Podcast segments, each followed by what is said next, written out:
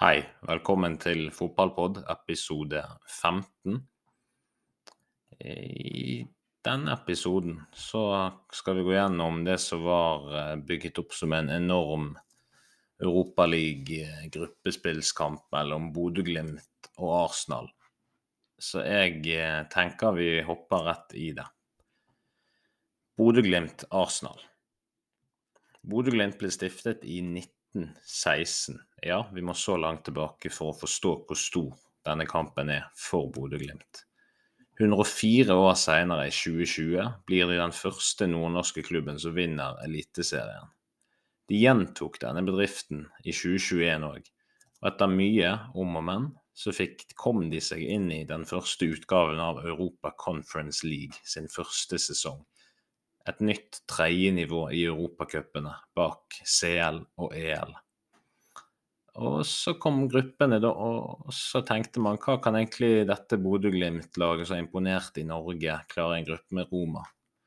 Jo, 6-1 og 2-2 var svaret.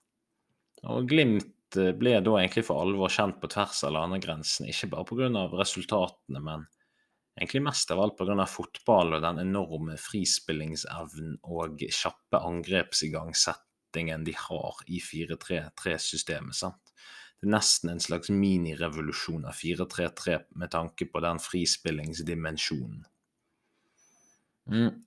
Men igjen, etter uh, fjorårets Roma-skalper og uh, eliteserietriumfer, blir Kjetil Knutsen igjen ribbet for en del av sine beste spillere, sant? inkludert bærebjelken Patrick Berg. Og det, det, får man jo nesten å tenke litt på hva hadde han klart hvis han hadde sluppet å selge. Men allikevel så kom han seg inn i da nivå to, et steg opp i Europa, til Europaliga igjen. Heldig med trekningen, kan du si, for det er gøy å møte de store lagene. Arsenal, større enn Roma.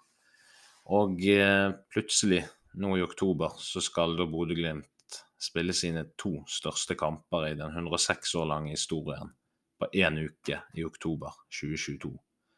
Fasiten er da 3-0-tap i London og 0-1-tap hjemme. Men kan egentlig Bodø-Glimt være stolt? Ja. Men eh, jeg skal forklare litt etterpå. Først litt Arsenal. Ødegaard han er endelig tilbake på, på norsk jord. Han har dominert på Aspmyra før mm, for Strømsgodset, og åtte år senere skal han nå forsøke igjen. da. Og Denne gangen så var det som kaptein for Arsenal han er fortsatt ung. Eh, veien hans har vært eh, lang og, og, tidvis tung, vil jeg tro, egentlig, siden det var disse enorme forventningene som var så uhyre vanskelig for han å innfri i den alderen. sant? Så det tok litt lengre tid enn man trodde, men nå er han der. Veien har gått fra Drammen til Real Madrid, til Nederland, Real Sociedad og så til Arsenal. Det ble en liten omvei. Han har blitt eh, robust og dyktig på veien, syns jeg. Veldig sånn Alle de gode sidene han har hatt i presshåndtering, ydmykhet, spill Altså alt det har bare Han var veldig dyktig i forhold til alder. Sånn, sånn ekstrem modenhet i forhold til å være 15-16 som han var. Men han har bare blitt litt flinkere på alt, egentlig. Og, og i fotball har han blitt enormt flink. Mm, jeg føler litt han er Norges Luka Modric, egentlig. sant? Og nå har han lyst til å lede Arsenal til en Premier League-tittel. Det er ikke usannsynlig at han kan få det til. Men han er nok ikke fremmed for å vinne Europaligaen heller. Arsenal tar dette seriøst. Eh, og Arsenal gjør i Altså nå, da, torsdag kveld som var eh, De gjør mye riktig som Mourinho gjorde feil. For det første, de har en god startoppstilling. De klager ikke på kunstgress og underlaget og, og at det er kaldt og disse tingene her. Det, det, er ikke tulling, det er ikke spøking, det er fullt fokus. Arsenal behandler Bodø som en helt vanlig Premier League-match. Og Før kamp så bemerket jeg et par ting i lagene. da. For det første så er Joel Mvuka og Brede Mo ute. Solbakken kommer inn på høyrekanten, og, og Høybråten inn på stopperplassen. Ulrik Saltnes var heldigvis for Glimt sin del egentlig klar. Jeg er en av de som mener at Eh, med, med Solbakken, også endelig tilbake fra langt skadebrekk nå, så kunne Glimt vært i Champions League, egentlig. Og det, og det er fordi at det Glimt-laget som møtte Roma, det kunne slått Dinamo Zagreb i Kroatia. Det, det, det, tror jeg, og jeg tror andre vil være enig med meg. sant? Men Glimt har gode innbyttere òg, i tillegg til startoppstillingen sin. Men Kjetil Knutsen er ikke kjent for å gjøre tidlige impact subs, da. Så det er ikke alltid man snakker så mye om innbytterbenken er, sant. Og Glimt de kjemper egentlig kun om medalje- og europakvaliker i Eliteserien. Sant? Så dette er sesongen, årets og egentlig klubbens høydepunkt i, i den over 100 år historien. sant? Og de aller fleste ut på banen i gult de vil aldri spille en større kamp i hele sitt liv. Det er forrige bortekamp mot Arsenal og denne hjemmekampen. Tenk nervene, sant. Kombiner eksamensdagen din, bryllupsdagen din, og, og du er bare halvveis. Sant? Alt må være perfekt. Derfor så blir det jo selvfølgelig ikke perfekt.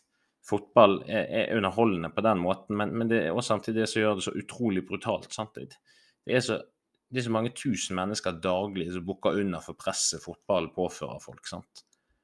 Men litt tilbake inn til Arsenal. De har større respekt for Glimt i kveld på, på Aspmyra. Det er litt flere vanlige startere i dagens oppstilling. De kjører bl.a. Bukayo Saka. Gullkalven engelsk, ung, god. Sjekk, sjekk, sjekk. Det, det blir 4-2-3-1 fra Arsenal og 4-3-3 eh, i Bodø-Glimt. 4-3-3 à la Knutsen legger til rette for oppbyggende spill. Enorm frispillingsrisiko. Back, indreløper, ving-kombinasjon. Altså Nils Arne Eggen ville hyllet, tror jeg. I tillegg så er Glimt så god at stopperne i noen angrep når de setter massivt press, så er de faktisk nesten i en indreløperposisjon. Så ekstrem er, er Bodø-Glimt blitt under Knutsen. Og de taper kun 0-1 mot Arsenal på hjemmebane. Sant? Det er like mye som Manchester United slapp inn mot dem på Old Trafford. Liverpool slapp inn tre på The Emirates, akkurat sånn som Glimt gjorde like før. sant?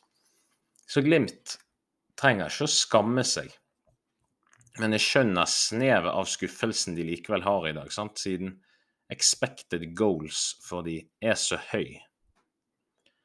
Arteta derimot i 4-2-3 ønsker kjapt opp til toeren, altså der 4-2, altså der toeren på midten, sant? for så opp på Ødegård.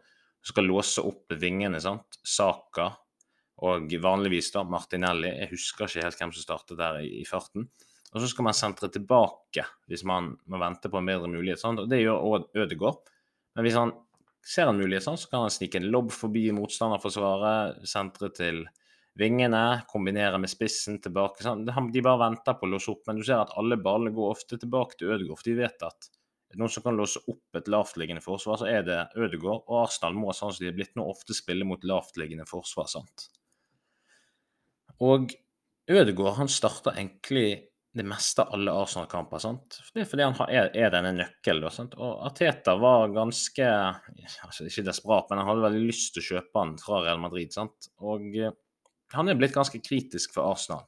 Husk, dere husker kanskje hysteriet som var når Jørgen Klopp ga han en klem etter en fotballkamp mens han var på lån fra Real Madrid i Arsenal. da. Og Arsenal-fansen på Twitter de fikk helt panikk, sant? og med god grunn. Alt bak Ødegaard i Arsenal er bare koden til nøkkelskapet. sant? Ødegaard er blitt selve nøkkelen som skal hjelpe vingene og spissen og de andre midtbanespillerne å åpne døren. sant? Jeg sier ikke at de bak Ødegaard er ikke dyktige. Arsenal har et ekstremt godt forsvar i år, men jeg bare prøver å si at Ødegaard er viktig. sant? Eh, og Det som er interessant, er at Arsenal spiller 4-2-3-1. Mikkel Arteta, som trener Arsenal, gikk under Pep sant, i City, og der er det 4-3-3 som gjelder. Jeg tror at Arteta spiller 4-2-3-1 fordi Martin Ødegaard er best i tierrollen, og da må det være tre bak spissen. sant? Eh, Martin eh, han byr på så spesielle ferdigheter at Arteta velger å legge om til tieren i stedet. sant? Jeg sier ikke at det er hele grunnen til formasjonen, men jeg tror det er en del av det. sant? Da må vi skryte til Ødegaard, for han, han er så god at en manager er, er villig til å legge om formasjonen for han, sant? Så det er helt, helt siden jeg så pressekonferansen til, til Ødegaard Real Madrid i 2013-2014 en eller annen gang det var. sant? Altså Det var nesten litt sjalu da, men, men nå, var, nå, er det bare stolthet. sant? Det er vanskelig å ikke like Martin Ødegaard. Både Viaplay og, og Støre bydde opp til fest. Viaplay har sitt beste mannskap, og statsministeren er på tribunen. Det er en stor begivenhet. Glimt gir eh, Norge for andre år på rad mye storkamper i Norge. Takk for det. Og det er nesten et helnorsk eh, Glimt i dag, sant? akkompagnert etter hvert av danske Grønbæk, som må komme inn etter ti minutter fordi Saltnes sin kjenning dessverre kommer opp igjen. Så han Og den hadde han hele uken. Så Glimt har kanskje valgt litt med hjertet over hodet eh, når de har valgt å starte han. Jeg vet ikke helt. Men han måtte i hvert fall ut. Eh, Grønbæk, han som kom inn, ble kjøpt for over 20 millioner og er egentlig veldig god. Eh, jeg har sagt før han kunne startet for Glimt oftere, særlig i Europa. Sant? Han, han har skåret i Zagreb i Kroatia Eindhoven i Nederland. Så er dyktig, dyktig spiller. Det er, det er ikke en direkte svakhet at at Grønbæk kommer inn for, for, Saltnes. Det er ikke sånn at Grønbæk er noe dårligere enn Saltnes som midtbanespiller, egentlig. Jeg føler ikke det svekker Glimt direkte. Arsenal i starten av kampen. De går inn for mye ball, men de er ikke helt vant med gresset. Det merker du på, på sånn, det er flere feilpasninger enn vanlig, ofte der de spiller helt ned på dødlinjen. Så går ball ut til, til utspark for Bodø-Glimt. Det, det, det, så du òg med Roma og andre lag som kommer til Aspmyra de er ikke helt vant til gresset og underlag i begynnelsen. Så det, det, det er alltid fordel Glimt. Det, det, er en liten del av grunnen til at Glimt hadde 14 kamper på rad med seier. En bitte liten grunn, mest av alt fordi de er veldig, veldig gode. Haiken har nesten en tidlig blunder mot Bukayo Saka. Der sant? Der Saka er, er, igjennom, og så går Haiken egentlig Saka er ikke helt igjennom, sant? for Haiken bare løper plutselig ut mot uh, mot kanten av 16-meterne. Jeg, jeg forsto ikke helt den. Kanskje litt sånn innbytt, altså starten av kampen-puls, får vi si. Men eh, Arsenal har en god første to minutter, men så føler jeg at, at Bodø-Glimt egentlig overtar derfra ut. sant? Det, de, de er fine de har, de har, raske, flotte corner-varianter som så, så gir sånne nesten-målsjanser. Og de har mye mer selvtillit enn de hadde i London. Sant? Dette, de er ikke helt på romakampnivå, opplever jeg, da, i forhold til den kampen. Men det, det, er mye bedre enn man så første omgang når de var i London. Men jeg må presisere at alt all, alt som liksom er i hermetegn kritikk av Bodø-Glimt her, det er liksom Det er bare pirk og, og sånn finpussing. For det at Bodø-Glimt bare taper 1-0 mot Premier League-lederen, det er egentlig helt vilt. Så, så, det er liksom Det som er mot Glimt, det, må, det er på en måte litt pirk òg. Det, det føler jeg alle andre eksperter òg kan være flinke på å nevne. Jeg savner ofte eh, egentlig hele kampen eh, noen ganger, men minst i andre omgang, at Glimt er veldig god fra se helt fra starten av sin egen 16-meter, frispilling opp på midtbanen, Berg skal kickstarte angrep, og sånne ting. sant? Eh, og så er de gode helt opp til motstanderen sin 16-meter, men der stopper det ofte opp med en pasning for mye, dårlig innlegg, svakt skudd. sant? Litt sånne halvsjanser. Det var det litt for mye av i dag. sant? Men eh, først, altså Høybråten. Etter 15 minutter så, så får jeg en litt sånn følelse av at han sammen med litt hjelp fra Patrick Berg har egentlig full kontroll på Eddie Nketia, Arsenal-spissen. For han, han, kommer aldri inn i kampen. Og Interessant nok så hadde ikke Mo, Brede Mo like god kontroll på Nketia i London. Eh, så her har Høybråkten kommet inn for han og, fått bedre kontroll på han. Og Det er litt interessant, egentlig. Men det er vanskelig å kritisere Knutsen for å velge midtstopper. For det, jeg tenkte før Arsenal Det er litt bingo hvem du velger. For det, det, er et luksusproblem. For Bodø-Glimt har fire stoppere, og alle de fire kunne egentlig spilt på et høyere nivå. Så, så det er et luksusproblem. Det er det. Jeg syns uh, Wembangomo er, er, klasse i dag på, på venstrebekken, framover og bakover. Han sliter litt innledningsvis med, med Saka. Så eh, Patrick Berg er veldig god i dag, for det ser han. Eh, og Vetlesen ser det til dels òg. Og så får han hjelp fra, fra, de to hele kampen, Wembagomo altså. Og det er det som er kollektivet Glimt på, på sitt aller fineste. Sant? De ser OK, Saka han er veldig god, det visste de nok på forhånd òg. Men de ser OK, eh, Bryce, som han heter da, hvem Wembagomo til fornavn, han sliter litt med han da bytter vi litt på, på assisterende. Altså, Grønbekk er òg med tidvis. Sant? Og Grønbekk sa jo når han kom til disse kampene han kommer for. Du ser at han er motivert. sant? Og han er òg frisk i, i, første omgang. Men dessverre for uh, Grønbekk sin del så kulminerer det litt for sjelden i end product. Ikke bare hans feil, sant. For det er, det er liksom som jeg sa i sted, sant? de kommer opp til 16-meteren, og så kommer det en sånn liten sånn off-pasning, et off-innlegg, en sånn off siste, siste bevegelse. da om det er nerver eller Jeg tror bare det at Arsenal er såpass god. Det er, de er, de, de klasser i alle ledd på Arsenal, i startoppstillingen òg. Det er ikke et reservelag som kommer utpå, unntatt på noen posisjoner. sant? Og, etter 23-0 så er det 1-0. Saka er, det er et bra mål, men han, Saka er også litt heldig, sant? for det, det ballen går via stakkars Høybråten. For han har en, altså Høybråten har en fantastisk kamp utenom den deflection som går via han og inn i mål. da. Men jeg syns Arsenal får drive veggspillet sitt helt ned til dødlinjen litt for lett. eh, egentlig på Glimt. Eh, Arsenal angriper jo veldig ofte, sant? det ser du Premier League. og Helt ned til dørlinjen så skal de gå 45 grader ut, sant? tilbake mot midtbanen, og så raskt fram sentralt. sant? Og så vips, så har de overtaket. Og dette vet nok Glimt, sant? for det er sånn Arsenal beveger og bearbeider motstanderen, sant? særlig i lavt press. Eh, men det er veldig vanskelig å stoppe, selv om du vet det. sant? Eh, det er veldig imponerende bearbeidingstaktikk, egentlig. Det, veldig, det tar litt tid å, å, bli klok på. Ikke, ikke, at jeg er klok på det, men det er en del av det. sant? Og det er en kul måte å spille 4-2-3-1 på. Du, du, får virkelig utnyttet vingene og hele midtbanen. Eh, men i dag så falt spissen Nketia litt ut av det, da. Men det er egentlig litt kudos til Glimt for det. Men Glimt har òg en del veggspill, sant? særlig på venstresiden, som jeg syns er sterkest uh, i dag. Men det kulminerer jo for sjelden i en god avslutning, da, særlig i første omgang der. Jeg ser hvor fort Glimt er sårbar på kontringer, sant? og det ser du på 0-1. Patrick Berg får forsinket Arsenal-angrepet litt, men, men, det holdt ikke helt. Sant? For Arsenal er bare så råsterk og råkjapp. og i tillegg, da, litt interessant nok, så var det noen Arsenal-spillere etter kampen som antydet at det, det er sånn hva de sa, artificial cover på banen, sant? altså kunstgresset. Det var lettere å kontre på det, for bare gikk så ekstremt fort. og Det er litt interessant observasjon. Sant? Så, litt sånn som Roma også. Sant? Det tar tid, kanskje en halvtime, så blir du vant til underlaget. Nketia har vært inne på. Jeg syns han har litt dårlige avslutninger. Han leverer ikke den beste søknaden om å erstatte Jesus, og du er veldig snill. Eh, jeg syns uh, Arsenal på generell basis har løst spissproblemet. Sant? De har hatt spisser som skårer mål de siste årene, men Jesus gjør det i tillegg til å spille bra med resten av laget. Sant? Aubameyang og Lacassette de, de, de, leverte mål, men, men, det var for sjeldent kulmi... Altså, de, de, klarte ikke å involvere seg i et godt sånn lagspill hele tiden. sant? Eh, og litt sånn som Arteta har lært av Guardiola. Sant? En spillespiss. Og det sier Guardiola om Haaland òg. Altså, han er ikke der han skal være ennå, men han leverer bare veldig mange mål. Sant? Og det Nå er jeg veldig streng med, med Haaland, i motsetning til Ketil, som er veldig snill. Sant? Så, ja. Pellegrino har uvanlig svake avslutninger første omgang. Han er toppskårer i Eliteserien. Eh, men jeg, jeg syns Matt Turner har, har studert han godt, Arsenal-keeperen. For det virker sånn Sett hvor Pellegrino pleier å skyte på forhånd. Og så for Han slenger seg nesten før han skyter. Så det Se på keeper mens du skyter òg, Pellegrino.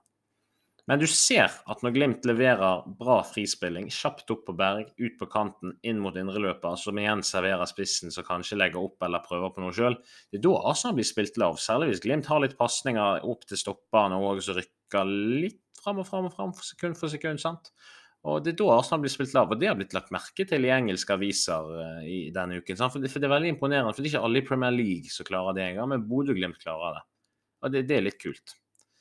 Uh, og Glimt spiller Arsenal faktisk såpass lav en periode at jeg tenker enten så, så kulminerer dette i en steike god avslutning for Glimt, 1-1, eller en kontring 0-2 Arsenal. sant? Og Det ble jo bare til at Glimt hadde noen gode avslutninger, men det ble aldri noe mer enn det. sant? Og, men Saliba for Arsenal har en veldig god kamp. Sant? Både Grønbæk, Espejord og Mangogo så han presser han egentlig ganske lavt. Men, men, han er så enorm på vendinger, fakeskudd. Altså, han bare rister de av seg på en eller annen måte uansett. Så han, det er ikke noe pes, det er ikke noe stress. Sant? Han, bare, han bare gjør det. Arsenal har to veldig gode stoppere sant? bakover, framover. Og, og, det er nøkkel til et bra lag. Og Arsenal føler jeg for hver kamp de spiller, om de er Europa, cup eller Premier League, jeg, føler, jeg blir sånn 0,5% mer sikker på at de faktisk kan klare å, å, å, å følge City hele veien inn. Eh, men Pellegrino og Espejord er i denne kampen alene på blank. Én til to ganger hver. Og jeg har sagt før jeg trodde Glimt skulle skåre. Sant? I hvert fall få noen målsjanser. XG-en deres er høyere enn null mål, for å si det sånn. sant? Ifølge noe som heter Infogol, så produserer Glimt minst to sjanser som er over 50% målsjanse på. Det er litt synd for, for Pellegrino og sant? På mange måter da, så tenker jeg at Glimt gjerne ikke har erstattet han Boniface like bra som de har erstattet uh, Junker Botheim. sant? Espio og Salvesen er egentlig et lite hakk under de tre, uh, opplever jeg. sant? Fordi det at Jeg skjønner det er vanskelig for Knutsen. Det, det, er vanskelig å skulle finne gull hele tiden. Men på annen side så har de godt budsjett, så ja, jeg skulle være Ja, kanskje. Men samtidig òg Matt Turner, uh, keeperen, har en veldig god kamp. Så han Glimt uh, enorme sjanser. Men han var årets spiller i Major League Soccer i USA for ikke så lenge siden. Sant? Og han var også veldig offensiv i dag, med suksess. Stoppet mange Glimt-kontringer.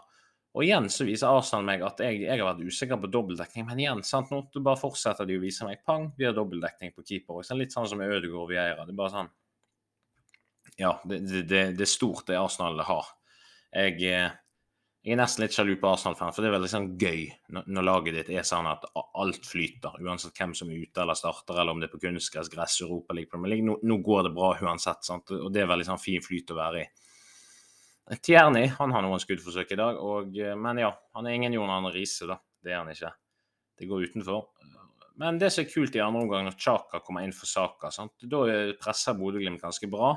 Og når Arsenal egentlig da må nesten i hermetegn sikre 0-1 mot Glimt, så er det litt sånn det, er litt det samme som å si Wow, Kjetil Knutsen, kan du please overta Wolverhampton? Sant? Eh, Arsenal det er flere som hevdet at de var litt avskrudd fra 65 og inn. Sant? Det vil jeg belyse litt. for det at Glimt har en enorm hjemmefor, hjemmefordel sant? og energi, kunstgress, Aspmyra, disse tingene her. Arsenal de, de, vil egentlig bare hjem igjen, men de spiller, de spiller på minste minimum for å måtte vinne. Sant? Laveste gir eh, mulig for å komme i mål. Men likevel så stresser Ateta tidvis eh, på benken der, så så ja, eh, kudos til Glimt. Det var, det var, ikke bare Arsenal har ikke reist til Bodø bare plukket en seier. Det har de ikke. Og litt sånn som jeg var inne på i sted, så begynner jeg å tenke underveis Når var det Ødegaard ble god? Og, det var litt det alle skal gi noen andre enn Arsenal æren var i Nederland, Spania, sånn, men jeg er veldig sånn der eh, Arteta, og så selvfølgelig faren til Martin Ødegaard, sånn, men Arteta føler jeg Det første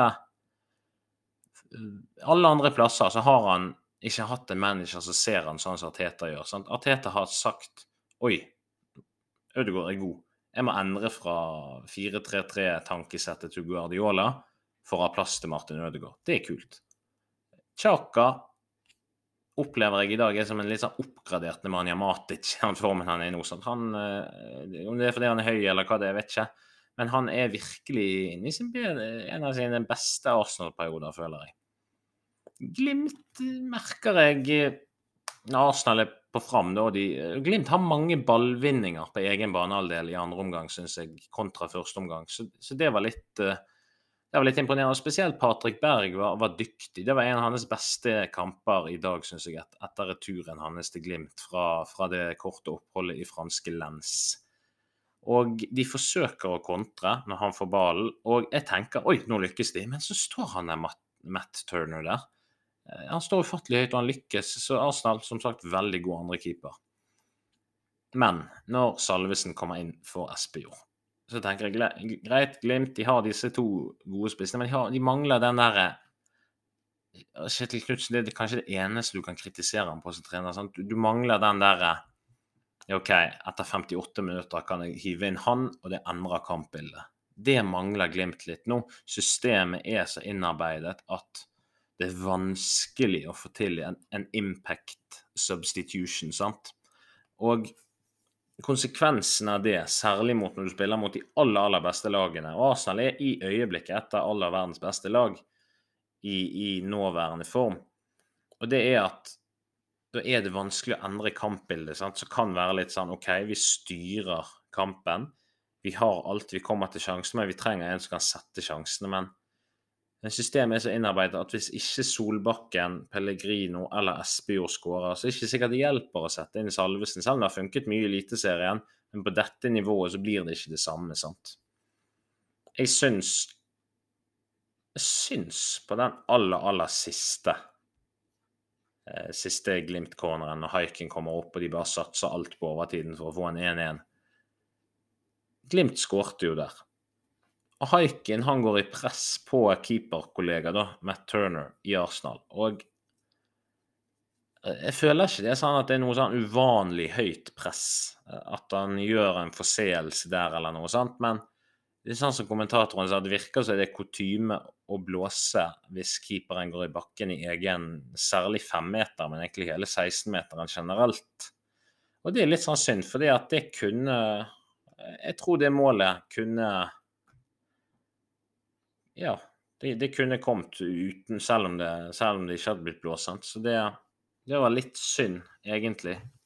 Men det men ja, ikke henge seg opp i det. Er ikke en enorm, det er ikke noe dommerskandale på gang. Det var bare verdt, verdt å nevne. Men jeg syns at Glimt har hatt en, en veldig OK prestasjon. De, de, gjorde litt sånn som Knutsen ønsket på forhånd, at, at de skulle være mer seg sjøl. Og det er en unik mulighet til å vise eh, De vil aldri ha så mange TV-seere på en, på en Bodø-Glimt-kamp som de hadde nå, så det er på mange måter det beste utstillingsvinduet spillere og treneren Knutsen kan få, i håp om å kanskje en dag komme høyere. sant? Eh, så, så ja, det, det, det, er bra de fikk vist seg fra, fra uh, det Bodø-Glimt Way, da, uh, føler jeg. Det var, det var, mye i dag som mange lag ikke klarer mot Arsenal, og som Bodø-Glimt klarte. Så det, så det, er ikke noe dårlig kamp. Og jeg ser mediene òg egentlig er litt sånn samstemte om at, om at det var en OK Bodø-Glimt-kamp. Det som skjer nå, det er jo at Bodø-Glimt har mistet litt initiativet i gruppen sin. De ligger i øyeblikket an, mest sannsynlig til å få en tredjeplass, og egentlig kunne være bedre enn FC Zürich. Det betyr jo at PSV og Arsenal kommer foran. Egentlig ingen bombe. Fordi PSV og Arsenal er lag som skal være bedre enn Bodø-Glimt. Selv om Bodø-Glimt klarte uavgjort borte mot PSV, så har jo Glimt nå hatt null av seks poeng mot Arsenal, og så hadde de fire av seks før det mot Zurich og PSV. Samtidig så skal jo da både Zurich og PSV møte Arsenal, så gruppen kan skifte litt på seg. Alt er fortsatt mulig. Men jeg tenker det er ingen krise om Bodø-Glimt får den tredjeplassen, for det er det inn i Conference League. Det ser ut som Molde skal klare å få en første- eller andreplass òg fra sin gruppe i Conference League. Da kan vi være i en posisjon der vi har to lag i utslagsrundene på tredje nivå i Europacupen. Det er ingen krise i forhold til størrelse på land og disse tingene her. Men det må jo med de blir litt sjalu på land som Kypros f.eks., som har en femtedel av norsk innbyggertall og likevel er, er OK representert ofte i Europaligaen og tidvis av Champions League. Men eh, Bodø-Glimt har alle muligheter for å få en, en vinter på nyåret i, i Europa òg. Men om det blir Europaliga eller Conference League, det er, ikke, det er ikke bombesikkert hva turnering det blir. Men at de skal fullføre i gruppen over FC Zurich, det, det er jeg sikker på. Jeg syns at Nikita Haikin har kommet bra, bra ut av disse oppgjørene. Og så syns jeg at Wembangomo kom spesielt godt ut av det mot, mot Arsenal nå, på Aspmyra. Jeg syns Patrick Berg hadde en mye større kamp på Aspmyra enn han hadde på Emirates. Han ble ikke tatt ut samme måte av Vieira på Aspmyra i dag. Han var ikke like mye fjernet ut av kampbildet av Arsenal. Så jeg vet ikke hvor stor betydning det hadde for altså selve resultatet direkte innflytelse, men, men jeg bemerker meg at Patrick Berg var mye bedre i dag. Jeg syns egentlig Bodø-Glimt-spissene kom egentlig verst ut av dette. Og, og synd for Pellegrino, som egentlig er veldig reliable foran mål. Han, han, kommer ikke så godt fra dette, fordi han har bommet på et par gode sjanser. Espejord òg. Solbakken var god. Han kom ikke til de beste sjansene, men hadde noen gode, spennende skudd. Vetlesen og, og Grønbæk har, har, kommet OK fra det òg, og, og, spesielt midtstopperne òg har jo eh, Høybråten og, og Lode var det i dag, med Mo og Lode òg, med sånn frispilling. altså Det er nesten ABC-kurs som man bør vise til midtstoppere i, i, frispilling. Så alt i alt, det er ingen krise for Bodø-Glimt. Man husker på hva nivå de er på nå. sant? Det er ikke conference, det er Europa, det er et hakk over. Og de har alle muligheter til å komme seg videre i et sluttspill utover våren. Så det er ingen krise. Det var, det var en OK kamp. Det var ikke en sånn verdens mest underholdende kamp, det var det ikke. Men absolutt kult å se et norsk lag teste seg mot Premier League-lederen og komme fra det med bare et 0-1-tap. Så, så imponerende, egentlig. Det er ingenting å skamme seg over for Bodø-Glimt. Dette var Fotballpod med meg, Fredrik Mjelheim. Jeg tenker å, å lage en episode om United sin hjemmekamp mot Omonia Nikosia, der de til slutt fikk hull på byllen og vant 1-0 og så snakke litt om hvordan Molde har gjort det i Conference League i, i, samme, i samme, episode. Så, så det å henge i. Her slutter vi aldri å snakke fotball. Tusen takk for meg.